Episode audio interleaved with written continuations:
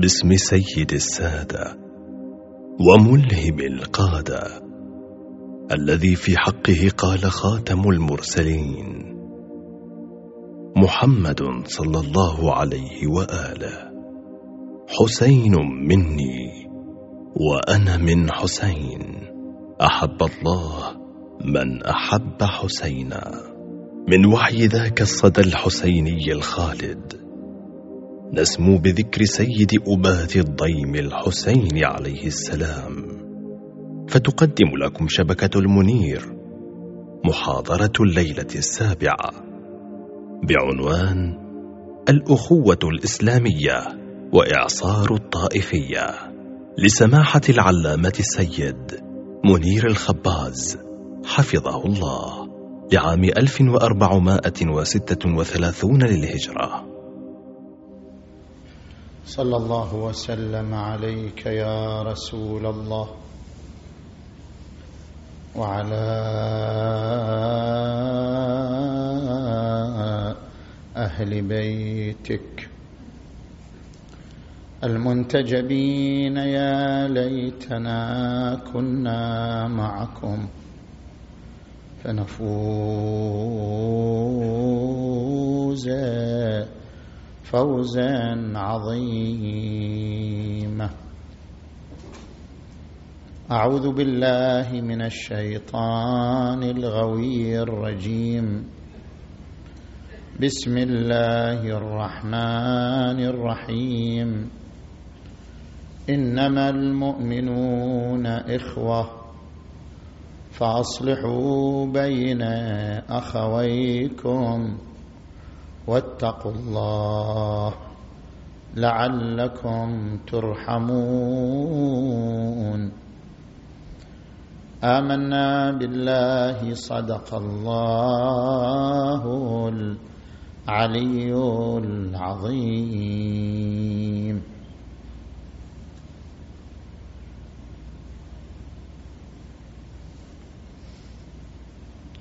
انطلاقا من الايه المباركه نتحدث عن الاخوه الدينيه وذلك من خلال محاور ثلاثه المحور الاول الاخوه بالمنظور القراني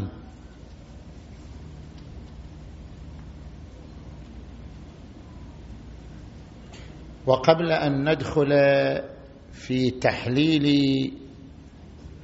مفرده الاخوه بحسب المنظور القراني نتعرض هنا لقاعده فلسفيه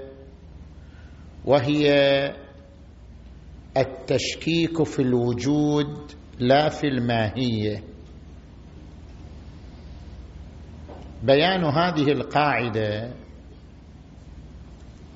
ان المقصود بالتشكيك في مصطلح الفلاسفه هو التفاوت مثلا عندما نقول النور مشكك يعني ان النور متفاوت فنور المصباح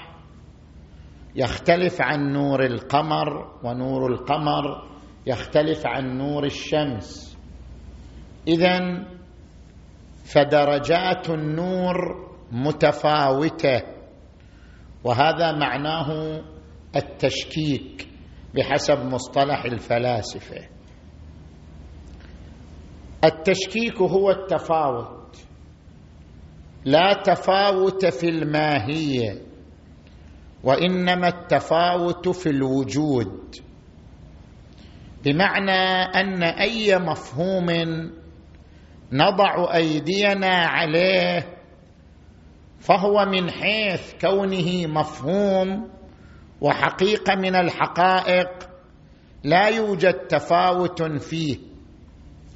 وانما يقع التفاوت في وجوده وفي مصاديقه وفي افراده مثلا عندما ناتي الى مفهوم النور مفهوم النور اذا لاحظناه في حد ذاته لا يوجد فيه تفاوت مفهوم النور واحد النور هو الظاهر بنفسه المظهر لغيره لكن متى يحصل التفاوت عندما يوجد النور اما كمفهوم لا تفاوت فيه عندما يوجد النور ويتحقق تكون له درجات مختلفه فنور المصباح اقل من نور القمر ونور القمر اقل من نور الشمس شعاعا فالتفاوت جاء في مرحله الوجود والتحقق والا فالنور كمفهوم من المفاهيم لا تفاوت فيه فلا تفاوت في الماهيه وانما التفاوت والتشكيك في الوجود من هنا ايضا نقول الانسانيه مثلا الانسانيه كمفهوم ما متفاوت كل البشر لهم حصه متساويه من الانسانيه الانسانيه كمفهوم مفهوم واحد الانسانيه هي حركه تكامليه لكن في مرحله الوجود عندما يوجد الانسان على الارض هنا يحصل تفاوت في درجات الانسانيه فهناك من يمتلك من الانسانيه اعلى درجاتها واعلى مستوياتها كالامام امير المؤمنين علي عليه السلام الذي يقول لو اعطيت الاقاليم السبعه على ان اعصي الله في نمله اسلبها جلب شعيره ما فعلت وهناك من لا يمتلك من الانسانيه الا العقل والاراده مثل معاويه بن ابي سفيان ولذلك كان يقول علي عليه السلام انزلني الدهر حتى قيل علي ومعاويه اذا المفهوم لا تشكيك فيه يعني لا تفاوت فيه وانما التفاوت في الوجود وفي مرحله التحقق من هنا ناتي الى مفردتين من المفردات التي طرحها القران الكريم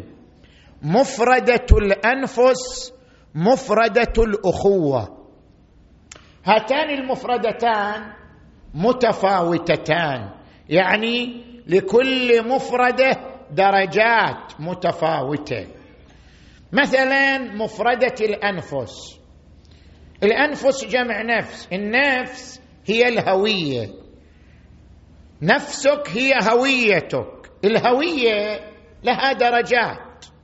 تاره تكون هويه شخصيه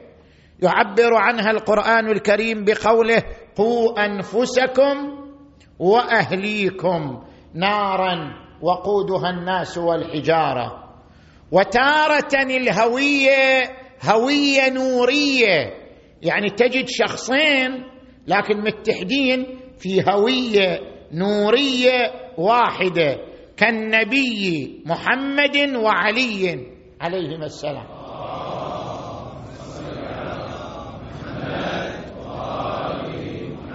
ولذلك يقول القران الكريم في ايه المباهله فمن حاجك فيه من بعد ما جاءك من العلم فقل تعالوا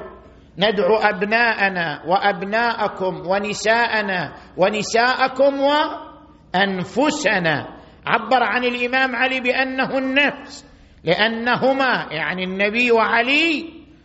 متحدان في هويه نوريه واحده وقد تكون الهويه هويه جنسيه شوف اثنين يتحدوا في جنس واحد يعبر عن القران بالانفس مثل شنو مثل قوله عز وجل ومن اياته ان خلق لكم من انفسكم ازواجا لتسكنوا اليها ما معنى من انفسكم يعني من جنسكم يعني الله اعطاكم ازواج من جنس الانسانيه وليس من جنس اخر الانفس هنا بمعنى الهويه الجنسيه وتاره تكون الهويه هويه صنفيه اثنين يتحدوا في صنف واحد لاحظوا مثلا قوله تعالى لقد جاءكم رسول من انفسكم عزيز عليه ما عنتم حريص عليكم بالمؤمنين رؤوف رحيم كيف الرسول من انفسنا يعني الرسول من قومكم انتم عرب والرسول عربي فهو معكم من قوم واحد هذه هويه قوميه هويه صنفيه اشار اليها القران الكريم ايضا بقوله يوم نبعث في كل امه شهيدا من انفسهم وتاره تكون الهويه هويه دينيه احيانا القران يعبر بالانفس ويقصد الهويه الدينيه مثل شنو مثل قوله عز وجل يا ايها الذين امنوا لا يسخر قوم من قوم عسى ان يكونوا خيرا منهم ولا نساء من نساء عسى ان يكن خيرا منهن ولا تلمزوا انفسكم ولا تنابزوا بالالقاب ايش معنى ولا تلمزوا انفسكم والانسان ما يلمز نفسه اذا شنو معنى انفسكم الإنسان ما يلمز نفسه حتى يقال له لا تلمزوا أنفسكم المراد بأنفسكم يعني من اتحد معكم في دين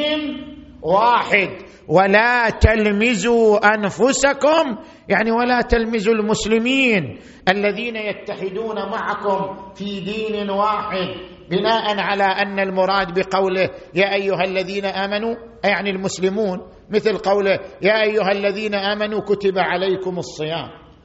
يا أيها الذين آمنوا يعني يا أيها, يا أيها المسلمون مثل قوله يا أيها الذين آمنوا أوفوا بالعقود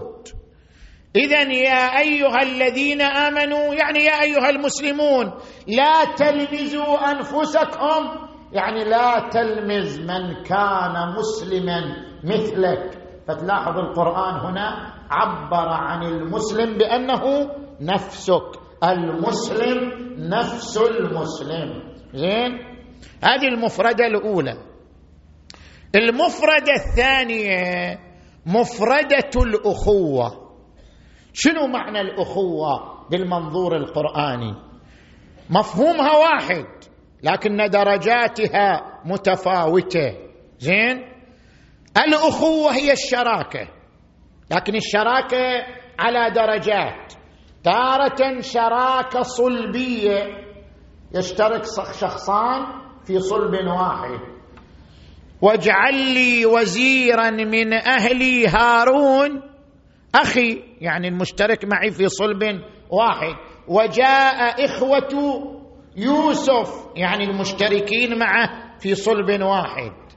وتارة تكون الشراكة شراكة في القوم اثنين يشتركوا في قوم معين مثلا شنو مثلا قوله تعالى والى مدين اخاهم شعيبا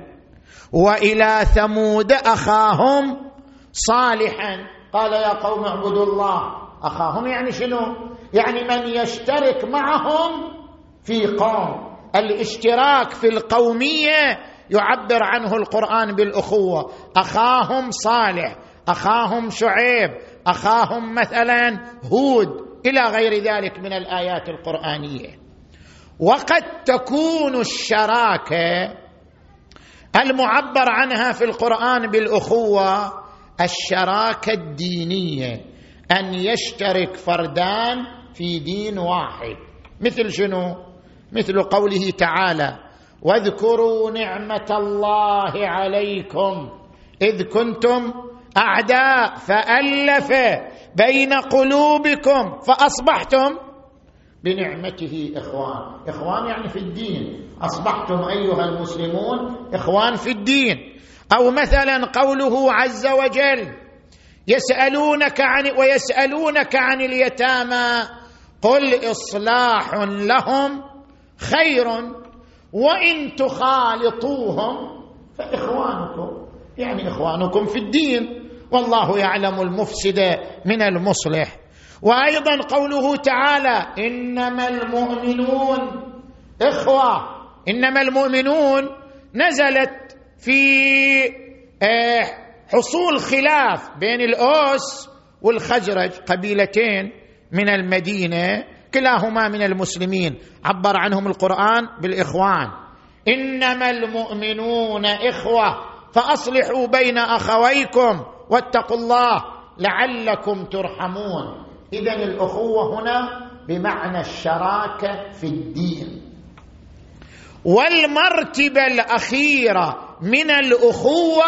الشراكه في الايمان الايمان اعلى درجه من الاسلام اعلى درجه من الدين كما في روايه سليمان بن خالد المؤمن عن الصادق عليه السلام المؤمن من ائتمنه المسلمون على اموالهم وانفسهم والمسلم اقل منه والمسلم من سلم الناس من لسانه ويده زين فالاخوه الايمانيه اعلى درجه عبر عنها القران الكريم بقوله ربنا اغفر لنا ولاخواننا الذين سبقونا بالايمان ولا تجعل في قلوبنا غلا للذين امنوا وقال في ايه اخرى ولا يغتب بعضكم بعضا ايحب احدكم ان ياكل لحم اخيه ميتا فكرهتموه يبقى بعض العلماء يعني هذه القاعده ان الاخوه قد تكون اخوه في الاسلام وقد تكون اخوه في الايمان بعض العلماء عند نظره اخرى ان الاخوه تنحصر بالاخوه في الايمان وهذا راي الامام الخميني قدس سره في كتابه المكاسب المحرمه صفحه 250 يمكن المراجعه هناك إذا عندما نقرر أو نتبنى هذا المفهوم فعندنا أن للأخوة درجات أخوة صلبية أخوة قومية أخوة دينية أخوة إيمانية زين نأتي بعد ذلك إلى المحور الثاني من حديثنا الأخوة واعصار الطائفيه الاخوه الدينيه ماذا تعني عندما نقول بان جميع المسلمين اخوه مقتضى الاخوه الدينيه ومقتضى قوله عز وجل وان هذه امتكم امه واحده وانا ربكم فاعبدون مقتضى ذلك احترام كل مذهب من المذاهب الاسلاميه شيعه سنه زيديه اسماعيليه اباضيه احترام كل مذهب من المذاهب الاسلاميه واعطاؤه الحريه التامه في ممارسه شعائره وطقوسه وتعاليم مذهبه فان هذا هو مقتضى الاخوه الاسلاميه ومقتضى الوحده الاسلاميه التي نادى بها القران الكريم فان هذه الاخوه تعني ان لكل مذهب تعاليمه الخاصه به ولا يطلب من مذهب ان يتنازل عن شعائره وطقوسه لاجل مذهب اخر ولا يفرض مذهب على اهل مذهب اخر بالقوه لكل مذهب حريته هذا مقتضى الاخوه الاسلاميه ومقتضى الوحده الاسلاميه لكن في الاونه الاخيره عصف بالمسلمين اعصار الطائفيه وتمثل هذا الاعصار في حركه داعش وغيرها من فرق القاعده التي استباحت الدماء وهتكت الاعراض وقتلت الحياه وابادت الحضاره هذا الاعصار الطائفي عندما نقوم بتحليله ما هو منشاه وما هي اخطاره عندما نريد نحلل ما هو المنشا ليش الانسان يصير داعشي ليش ما هو المنشا من اين اتى هذا المنشا منشا الاعصار الطائفي احتكار الحقيقه على نحو لا يبقي للاخر معذوريه كيف يعني هناك فرق يا اخوان بين احتكار الحقيقه وبين التصويب التصويب موجود في كل المذاهب كل مذهب يعتقد انه شنو على الصواب حتى ابناء المذهب الواحد اذا اختلفوا كل فرقه تعتبر نفسها هي المصيبه اذا اختلف فقيهان في الراي كل فقيه يرى انه هو على الصواب التصويب ان تعتقد انك على صواب هذا شيء واحتكار الحقيقه بحد لا يبقي معذوريه للاخر هذا شيء اخر كيف يعني الان مثلا المذهب الامامي مذهبنا احنا مذهبنا نعتقد اننا على صواب لكن مع ذلك مع اننا نعتقد اننا على صواب الا ان بيننا وبين المذاهب الاخرى اشتراك في زاويتين لا نهملهما ولا نرفع يدنا عنهما الزاويه الاولى انهم اخواننا في الاسلام ويشتركون معنا في الاسس العقائديه وفي الاصول الايمانيه يشتركون معنا في ذلك اذا المشتركات بيننا وبينهم في هذه الاصول وفي هذه الاسس تجعلنا نعتبر انهم اخواننا انفسنا شركاءنا في هذا الدين الذي اعده الله نعمه لهذه الامه الاسلاميه وهذه الزاويه استفدناها من القران الكريم واعتصموا بحبل الله جميعا ولا تفرقوا وان هذه امتكم امه واحده وانا ربكم فاعبدون اذا هناك المساحه الاولى المساحه الثانيه ان من لم يصل شوف احنا باعتقادنا من لم يصل الى الحق لعجزه فهو معذور ما نقول احنا غير معذور احنا نقول اي انسان من اي مله من اي دين من اي مذهب لم يصل الى الحق لانه عاجز عن الوصول الى الحق فهو معذور ورد عن النبي محمد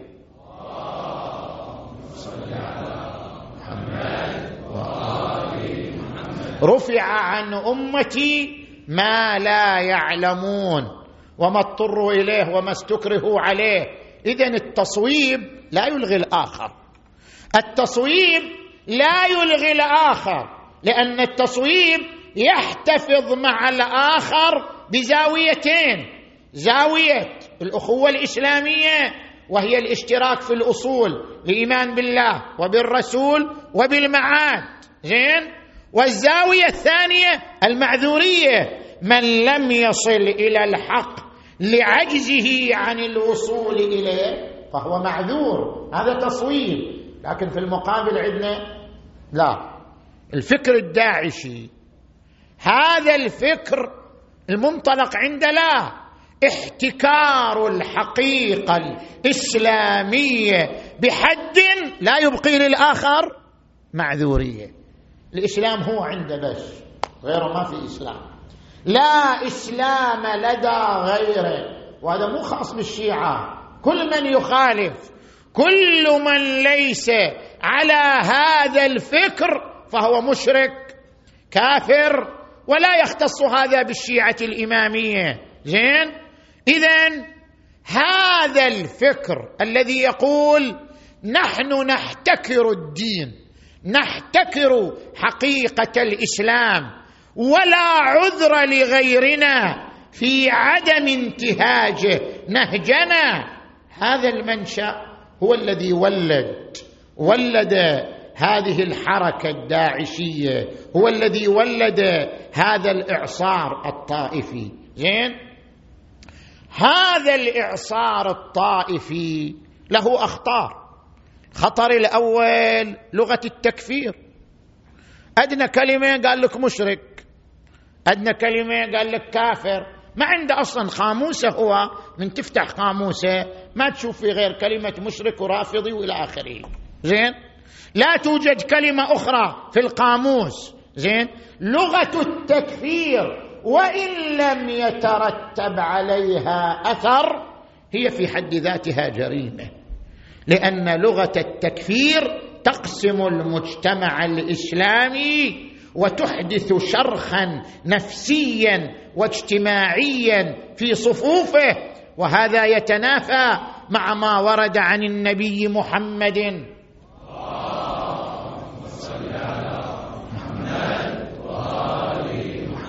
الاسلام شهاده ان لا اله الا الله وان محمدا رسول الله به حقنت الدماء وجرت المناكح والمواريث زين الخطر الثاني اهدار الحياه ما يرى لك بعد هو يعتبر كافر بعد شلون بما انه يعتبرك كافر اذا لا حق لك في الحياه لا حق لك في المال لا حق لك في الكرامه اهدار الاخر في دمه وماله وعرضه وكرامته اهدار الاخر بتمام شؤونه هذا الاهدار الذي نراه يتجسد في بعض المجتمعات هو من الاخطار الناجمه عن احتكار الحقيقه وهذا الاهدار يتنافى مع ما ورد عن النبي صلى الله عليه واله المسلم من سلم الناس من لسانه ويده زين والخطر الثالث فرض الدين بالقوه خلاص فرض الدين بالقوه فرض الفكر الداعشي بالقوه لا بد ان يستجيب المجتمع لهذا الفكر ولهذا النمط من التفكير والا فالمصير هو قتل الحياه اباده الحضاره اباده الاضرحه والمساجد والاثار والفنون اباده الحضاره بتمام اشكالها لان الحضاره والحياه لا تجتمع مع هذا الفكر ابدا لذلك هذا الاعصار الطائفي الخطير زين هو مضمون مضمون الايات المباركات ومن الناس من يعجبك قوله في الحياه الدنيا ويشهد الله على ما في قلبه وهو الد الخصام واذا تولى سعى في الارض ليفسد فيها ويهلك الحرث والنسل يقضي على الحضاره يقضي على الحياه ويهلك الحرث والنسل والله لا يحب الفساد ويقول في ايه اخرى ومن الناس من يقول امنا بالله وباليوم الاخر وما هم بمؤمنين يخادعون الله والذين امنوا وما يخدعون الا انفسهم وما يشعرون في قلوبهم مرض فزادهم الله مرضا ولهم عذاب اليم بما كانوا يكذبون واذا قيل لهم لا تفسدوا في الارض قالوا انما نحن مصلحون الا انهم هم المفسدون ولكن اذا بالنتيجه هذا الفساد في الارض الذي هو من اشد الامور مبغوضيه في نظر القران الكريم هو من اخطار هذا الفكر الداعشي ومن يتبناه زين في المقابل شوف احنا ادب ائمتنا وادب الاخرين كيف ائمتنا يفكروا كيف هؤلاء يفكروا ما هو ادب اهل البيت وما هو ادب هذا الفكر التكفيري لاحظ ما ورد عن الامام الصادق عليه السلام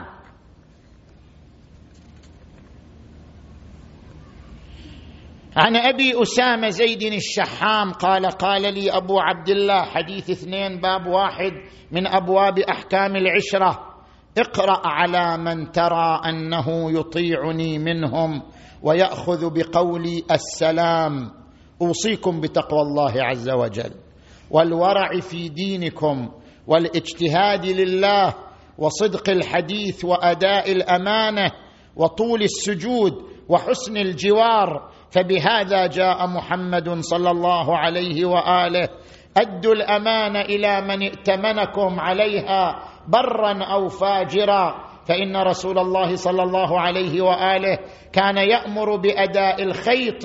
والمخيط صلوا عشائركم واشهدوا جنائزهم وعودوا مرضاهم وادوا حقوقهم فان الرجل منكم اذا ورع في دينه وصدق الحديث وادى الامانه وحسن خلقه مع الناس قيل هذا جعفري الجعفري من كان خلقه حسن مع كل الناس كل المذاهب كل الاديان كل الملل قيل هذا جعفري فيسرني ذلك ويدخل علي منه السرور وقيل هذا ادب جعفر واذا كان على غير ذلك دخل علي بلاؤه وعاره وقيل هذا ادب جعفر والله لحدثني ابي يعني الامام الباقر عليه السلام ان الرجل يكون في القبيله من شيعه علي عليه السلام فيكون زينها هو النموذج الامثل في القبيله هذا الشيعي فيكون زينها اداهم للامانه اقضاهم للحقوق اصدقهم للحديث اليه وصاياهم وودائعهم تسال العشيره عنه فيقول فتقول من مثل فلان انه ادانا للامانه واصدقنا للحديث هذا هو ادب اهل البيت صلوات الله وسلامه عليهم اجمعين المحور الثالث من حديثنا الا وهو معالم الاخوه الايمانيه الاخوه على درجات ثلاث الاخوه العامه والاخوه الخاصه والاخوه الحقيقيه الحقه نجي الى الاخوه العامه يعني الاخوه النابعه من الايمان نحن اذا نريد ان ننطلق الى الاخوه الاسلاميه فلا بد ان تكون بيننا اخوه شيعيه حتى ننطلق الى الاخوه الاسلاميه الاخوه الاسلاميه نابعه عن الاخوه الاماميه فلا بد من تحقيق الاخوه الاماميه اولا لكي تكون منطلقا للاخوه الاسلاميه وبالتالي لا بد ان نراعي معالم الاخوه الاماميه معالم الاخوه الايمانيه التي تكون منطلقا للاخوه الاسلاميه ما هي معالم الاخوه الايمانيه هناك حقوق عامه تعرضت لها النصوص للاخوه الايمانيه وهناك حقوق خاصه نقرا اولا ما دل من الاحاديث على حقوق العامه لاحظوا هذه الروايه الشريفه معتبره ابراهيم بن عمر اليماني حديث ثمانيه باب 122 من كتاب العشره من وسائل الشيعه من وسائل الشيعه الجزء الثاني عشر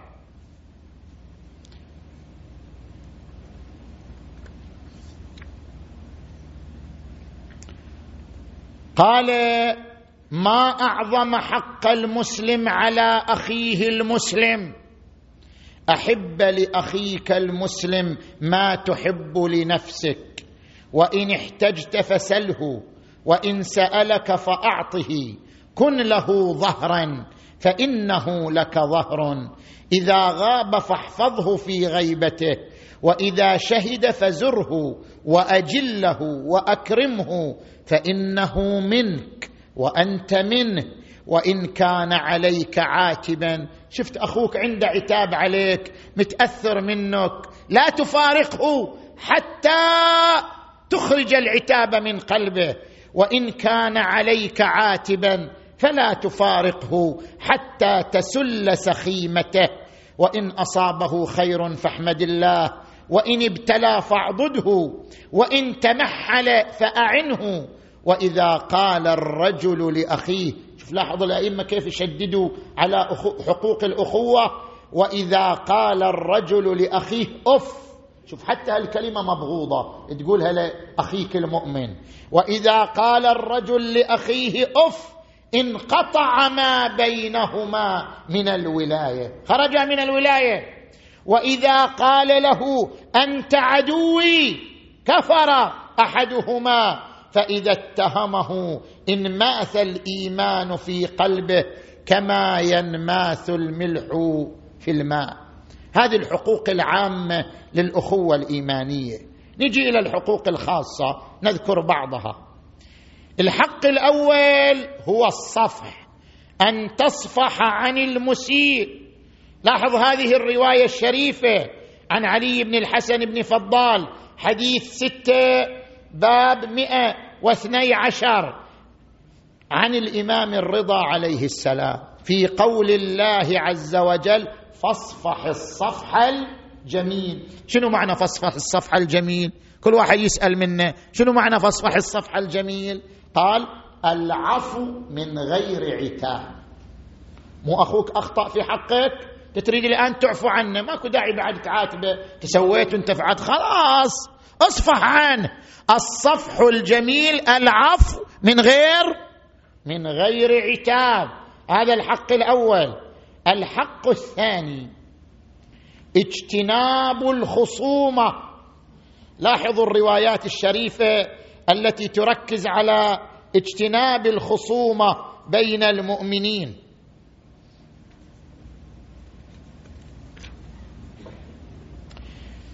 في موثقة مسعد بن صدقة حديث واحد باب 135 عن أبي عبد الله الصادق عليه السلام قال قال أمير المؤمنين إياكم والمراء والخصومة فإنهما يمرضان القلوب على الإخوان وينبت عليهما النفاق وفي روايه اخرى وهي حديث خمسه من نفس الباب عن ابي عبد الله عليه السلام اياكم والخصومه فانها تشغل القلب وتورث النفاق وتكسب الضغائن واحنا لاقل سبب تصير شنو خصومه يلا مع السلامه طيب السبب بسيط خلاف فكري خلاف شخصي خلاف مثلا عائلي ليس الخلاف كافيا في توليد الخصومه اياكم والخصومه لاحظوا ايضا الحق الثالث هو حق التواصل ان تكون متواصلا مع اخوانك المؤمنين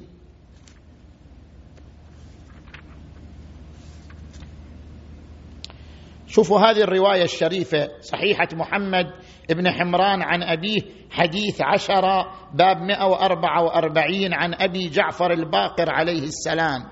ما من مؤمنين اهتجر اهتجر يعني شنو تقاطع كل واحد هجر الثاني ما من مؤمنين اهتجر فوق ثلاث يعني أكثر من ثلاث ليالي إلا وبرئت منهما في الثالثة يقول الإمام الباقر أنا بريء منهما ما دام قد اتجرا انا بريء منهما الا وبرئت منهما في الثالثه قيل هذا حال الظالم فما بال المظلوم طيب واحد منهم ظلم الثاني شلون انت تبرأ من المظلوم وهو مظلوم قيل هذا حال الظالم فما بال المظلوم فقال فما بال المظلوم لا يصير الى الظالم فيقول انا الظالم حتى يصطلحا شوف شلون اهتمام الأئمة يقول لك صحيح أنت مظلوم لكن ليش أنت ما تروح إلى الظالم تقول له أنا الظالم أنا الذي أعتذر أنا الذي أخطأت أنا أعتذر منك أنا أتسامح مع أنك أنت المظلوم ليش ما تروح تقول أنا الظالم حتى يصطلح شوف هذا المستوى مستوى الأدب العالي الذي يريد أن يؤدبنا عليه أهل البيت صلوات الله وسلامه عليهم أجمعين الحق الرابع حفظ الكرامه لكل مؤمن كرامه ما دام اماميا منك من ولايتك فله الكرامه العظمى لغيره ايضا كرامه لكن له درجه اخرى ايضا من الكرامه لاحظوا هذه الروايه العظيمه صحيحه هشام بن سالم حديث الاول باب 145 قال سمعت ابا عبد الله عليه السلام يقول قال الله عز وجل يعني حديث قدسي لياذن بحرب مني من اذى عبدي المؤمن اذا تؤذي مؤمن يعني انت تعتبر شنو محارب لله لياذن بحرب مني من اذى عبدي المؤمن وليامن غضبي من اكرم عبدي المؤمن وفي رواية المعلى بن خنيس حديث اثنين باب 146 قال سمعت أبا عبد الله عليه السلام يقول إن الله تبارك وتعالى يقول من أهان لي وليا تهين مرجع تهين عالم تهين واحد عادي من الناس لكن ولي حتى المؤمن العادي ولي من أولياء الله إذا كان إنسان مؤمن ملتزم هو ولي من أولياء الله من أهان لي وليا فقد أرصد لمحاربتي وقاعد يحاربني من أهان لي هذا الله يقول حديث قدسي من أهان لي وليا فقد أرصد لمحاربتي وأنا أسرع شيء إلى نصرة أوليائي حفظ كرامة المؤمن زين هنا بذكر مثالين يرتبطان بحفظ كرامه المؤمن وهما مثالان نحن نعيشهما في واقعنا المعاصر المثال الاول البراءه مع الاسف الان عندنا ظاهره بدات في عند بعض الشيعه البراءه من الشيعه يجيك والله يقول احنا بريئون بريئون من من بريئون من هؤلاء من هؤلاء طيب ذو الشيعة أمثالكم زين أنتم تشتركون في العقائد المسلمة تشتركون في جميع التفاصيل لا والله احنا بريئين من هؤلاء شلون براء ليش علشان اختلاف بسيط والله اختلفنا في التطبير صح لو لا ما دام انا ارى التطبير وانت ما ترى انا بريء منك ما دام انت ما ترى التطبير وانا ارى انت بريء مني ايش دعوه ايش دعوه خلاف في حاجه بسيطه حاجه بسيطه جدا ايش دعوه هذا ايش دعوه البراءه يعني شنو كفار براء من المشركين هم من براءه المؤمنين من بعضهم بعض شوف لاحظ روايه الصياح بن سيابه عن الصادق عليه السلام ما انتم والبراءه الإمام يغضب ما أنتم والبراءة بعضكم من بعض إن المؤمن إن بعض المؤمنين أكثر صلاة من بعض وبعض المؤمنين أفضل درجة من بعض يعني طبيعي يقول الإمام طبيعي الاختلاف هذا عبادة أكثر هذا صدقة أكثر هذا هذا لا يوجب براءة بعضكم من بعض ما أنتم والبراءة بعضكم من بعض شنو هذا المفاهيم الجديدة اللي قاعد تدخل إلى الجسم الشيعي مفهوم البراءة من شيعة موالين مقرين بالعقائد كلها فقط اختلفوا وياك في نقطة معينة أنت ترى أنت ترى مثلا التطبير لا قيمة له زين هو يرى التطبير من الشعائر هذا يوجب البراءة شنو هذا وغيرها من الأمور وغيرها من الأمور زين المثال الثاني قضاء حاجه المؤمن شوف مثلا الان بعض المؤمنين زين موظف وامامه الطاولة قاعد على كرسي مرتاح ياتيه اخوه المؤمن في حاجه وهو يقدر عليها فيشيه عنه بوجهه بينما يجيه واحد اخر ما إلى علاقه به شنو يقضي حاجته هذا المثال تعرض له الائمه في احاديثهم منذ تلك الازمنه زين لاحظ روايه ابي بصير عن الامام الصادق عليه السلام ايما رجل من شيعتنا اتى لاخيه عفوا ايما رجل من شيعتنا اتى رجلا اخر فاستعانه في قضاء حاجته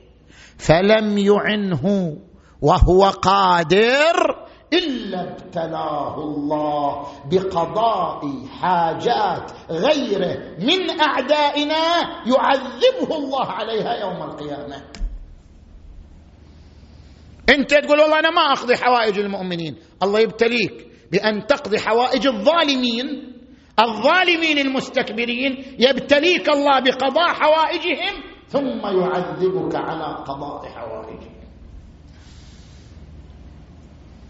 اذا حفظ كرامه المؤمن والاهتمام بشان المؤمن من خصائص الاخوه الايمانيه التي لا يمكن اغفالها بعد الحق الاخير الذي نتعرض له الستر على المؤمن لاحظوا ما ورد في هذا الباب من الاحاديث الشريفه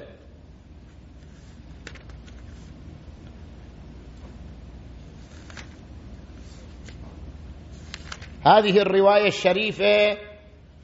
موثقه اسحاق بن عمار حديث ثلاثه باب 150 سمعت ابا عبد الله عليه السلام يقول قال رسول الله صلى الله عليه واله يا معشر من اسلم بلسانه ولم يخلص الايمان الى قلبه لا تذموا المسلمين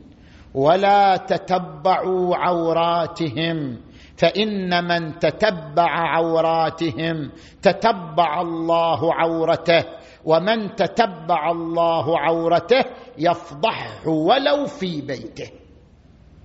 لا تتجسس على الناس لا تقوم تجمع ملفات على الناس لا تقوم تجمع اخطاء الاخرين لا تشغل نفسك بتجميع اخطاء الاخرين ومعائبهم فانه سياتي يوم يفضحك الله شنو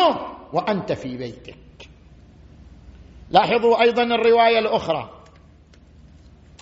أيضا موثقة إسحاق بن عمار حديث اثنين باب 151 عن أبي عبد الله عليه السلام قال قال رسول الله صلى الله عليه وآله من أذاع فاحشة كان كمبتدئها ومن عير مؤمنا بشيء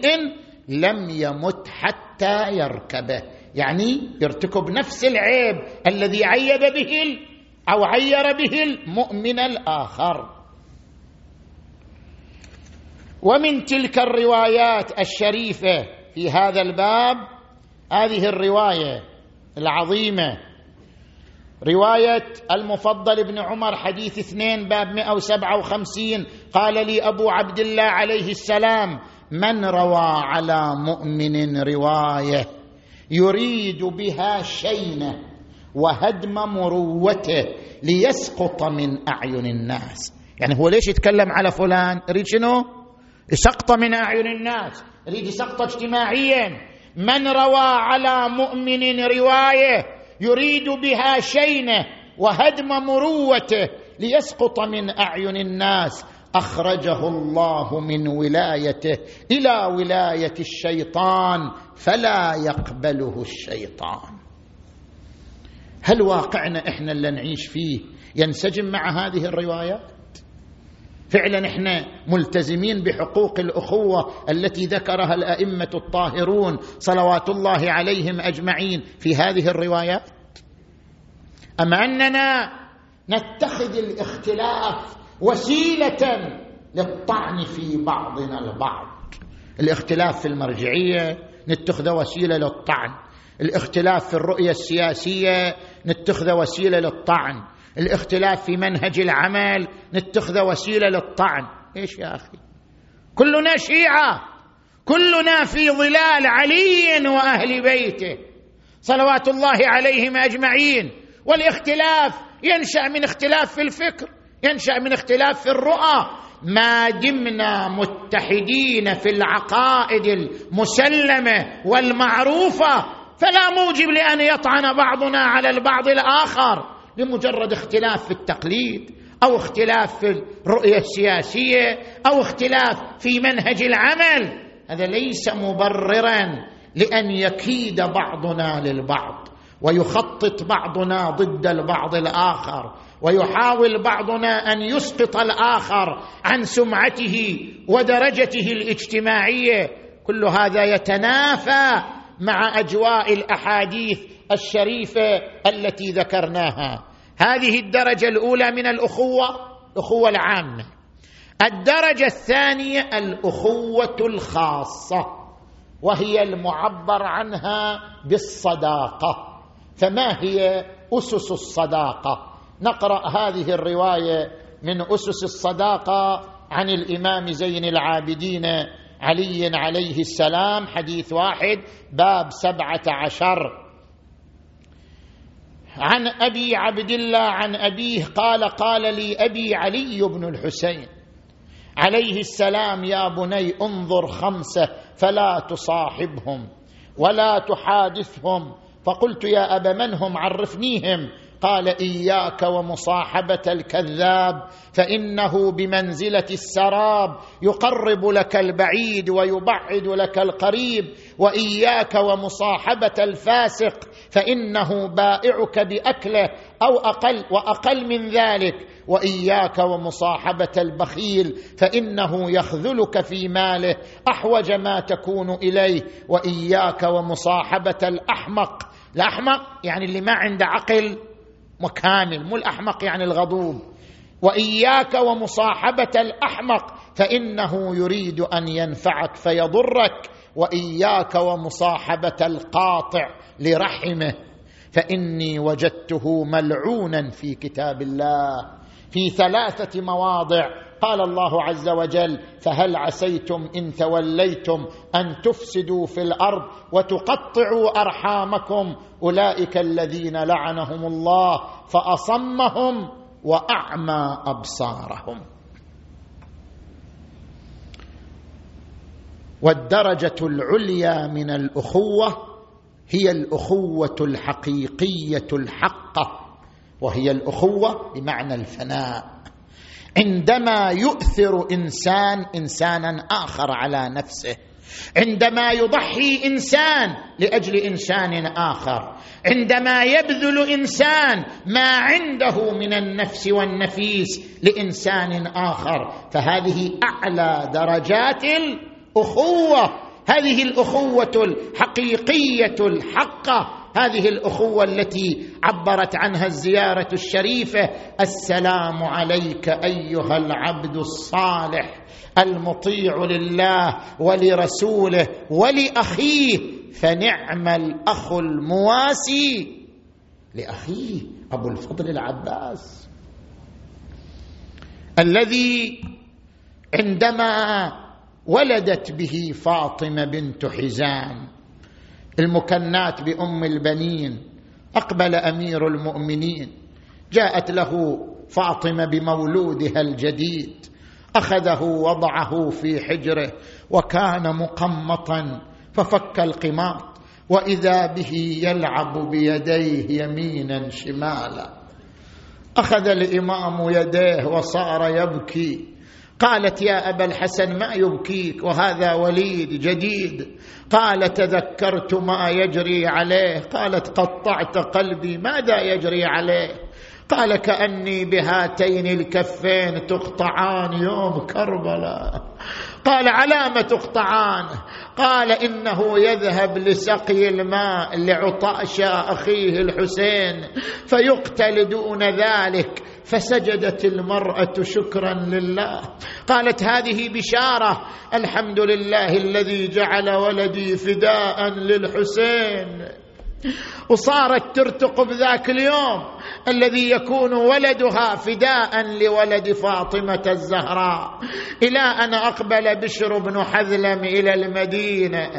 دخل عند بيوت بني هاشم ينعى الحسين رفع صوته يا اهل يا يا يثرب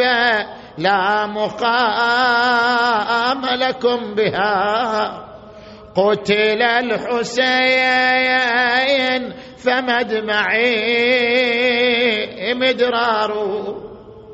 الجسم منه بكربلاء مضرج والراس منه على القناه يدار ما بقيت هاشميه ولا فاطميه الا خرجت تنعى بقيت امراه معصبه الراس قالت يا بشر قف قليلا عندي سؤال قال من انت قالت انا ام البنين الاربعه عندي اولاد اربعه في كربلاء قال يا ام البنين عظم الله لك الاجر في جعفر قالت الخلف في راس الحسين قال عظم الله لك الاجر في عون قالت البقاء في راس الحسين قال عظم الله لك الاجر في عثمان قالت الخلف في راس الحسين قال عظم الله لك الاجر في ابي الفضل العباس فلقد فضخوا ظهره وقطعوا كفه قالت أخبرني عن حبيبي الحسين أريد حبيبي الحسين قال إذن إذن خذي حجرا من الآيار والطمي على راسك فلقد قتل الحسين وحسينا وإماما انكبت على الأرض تقول وخجلته أمام, أمام فاطمة الزهراء وخجلته أمام زينب العقيلة لقد قتل شيخ العشيرة أبو عبد الله ليتها تحضر يوم كربلاء لترى تضحية ولدها أبي الفضل العباس قال أبا عبد الله ائذن لي بمبارزة الأعداء قال كيف آذن لك وأنت عماد بعد عسكري اذا ذهبت يؤول جمعي الى الشتات تنبعث عمارتي الى الخراب قال ابا عبد الله لا اطيق الصبر وانا ارى اليتامى يصرخون العطش العطش فلما اذن له الحسين انقلب على المشرع فرق الاعداء عنها نزل بأبي وأمي إلى المشرعة فمد يده أخذ قبضة من الماء يريد أن يشرب فتذكر عطش أخيه الحسين طاب الماء بأسها هيا سبرد غرف غرفة ليروي عطش تذكر لأن أخوه حسين وذاب بالماي من جفة وتحسر هذا الماي يجري بطون حيا وذوق قبل اخويا حسين هيا وضين طفله يا ويلي من العطش مات وأظن عمري انقضى والأجل قصر رمى الماء من يده يا نفس من بعد الحسين هوني وبعده لا كنت أو تكوني هذا حسين وارد المنون وتشربين بارد المعين ملأ القرب خرج يريد الخيمات نادى ابن سعد ويحكم احملوا عليه فتكاثروا عليه من كل مكان عظم الله اجوركم فارتفعت الغبره فجاء سهم فوقع في القربه واراق ماءها فبكى ابو الفاضل بينما هو يقاتل كمن اليه لعين منهم ضربه بالسيف على يمينه فقطعها نادى والله إن قطعتم يميني إني أحامي أبدا عن ديني وعن إمام صادق اليقين حمل السيف بشماله يقاتلهم مقاتلة عظيمة فكمن له لعين آخر ضربه بالسيف على شماله فقطعها الا ترون معشر الكفار قد قطعوا ببغيهم يساري فاصلهم يا راب حر النار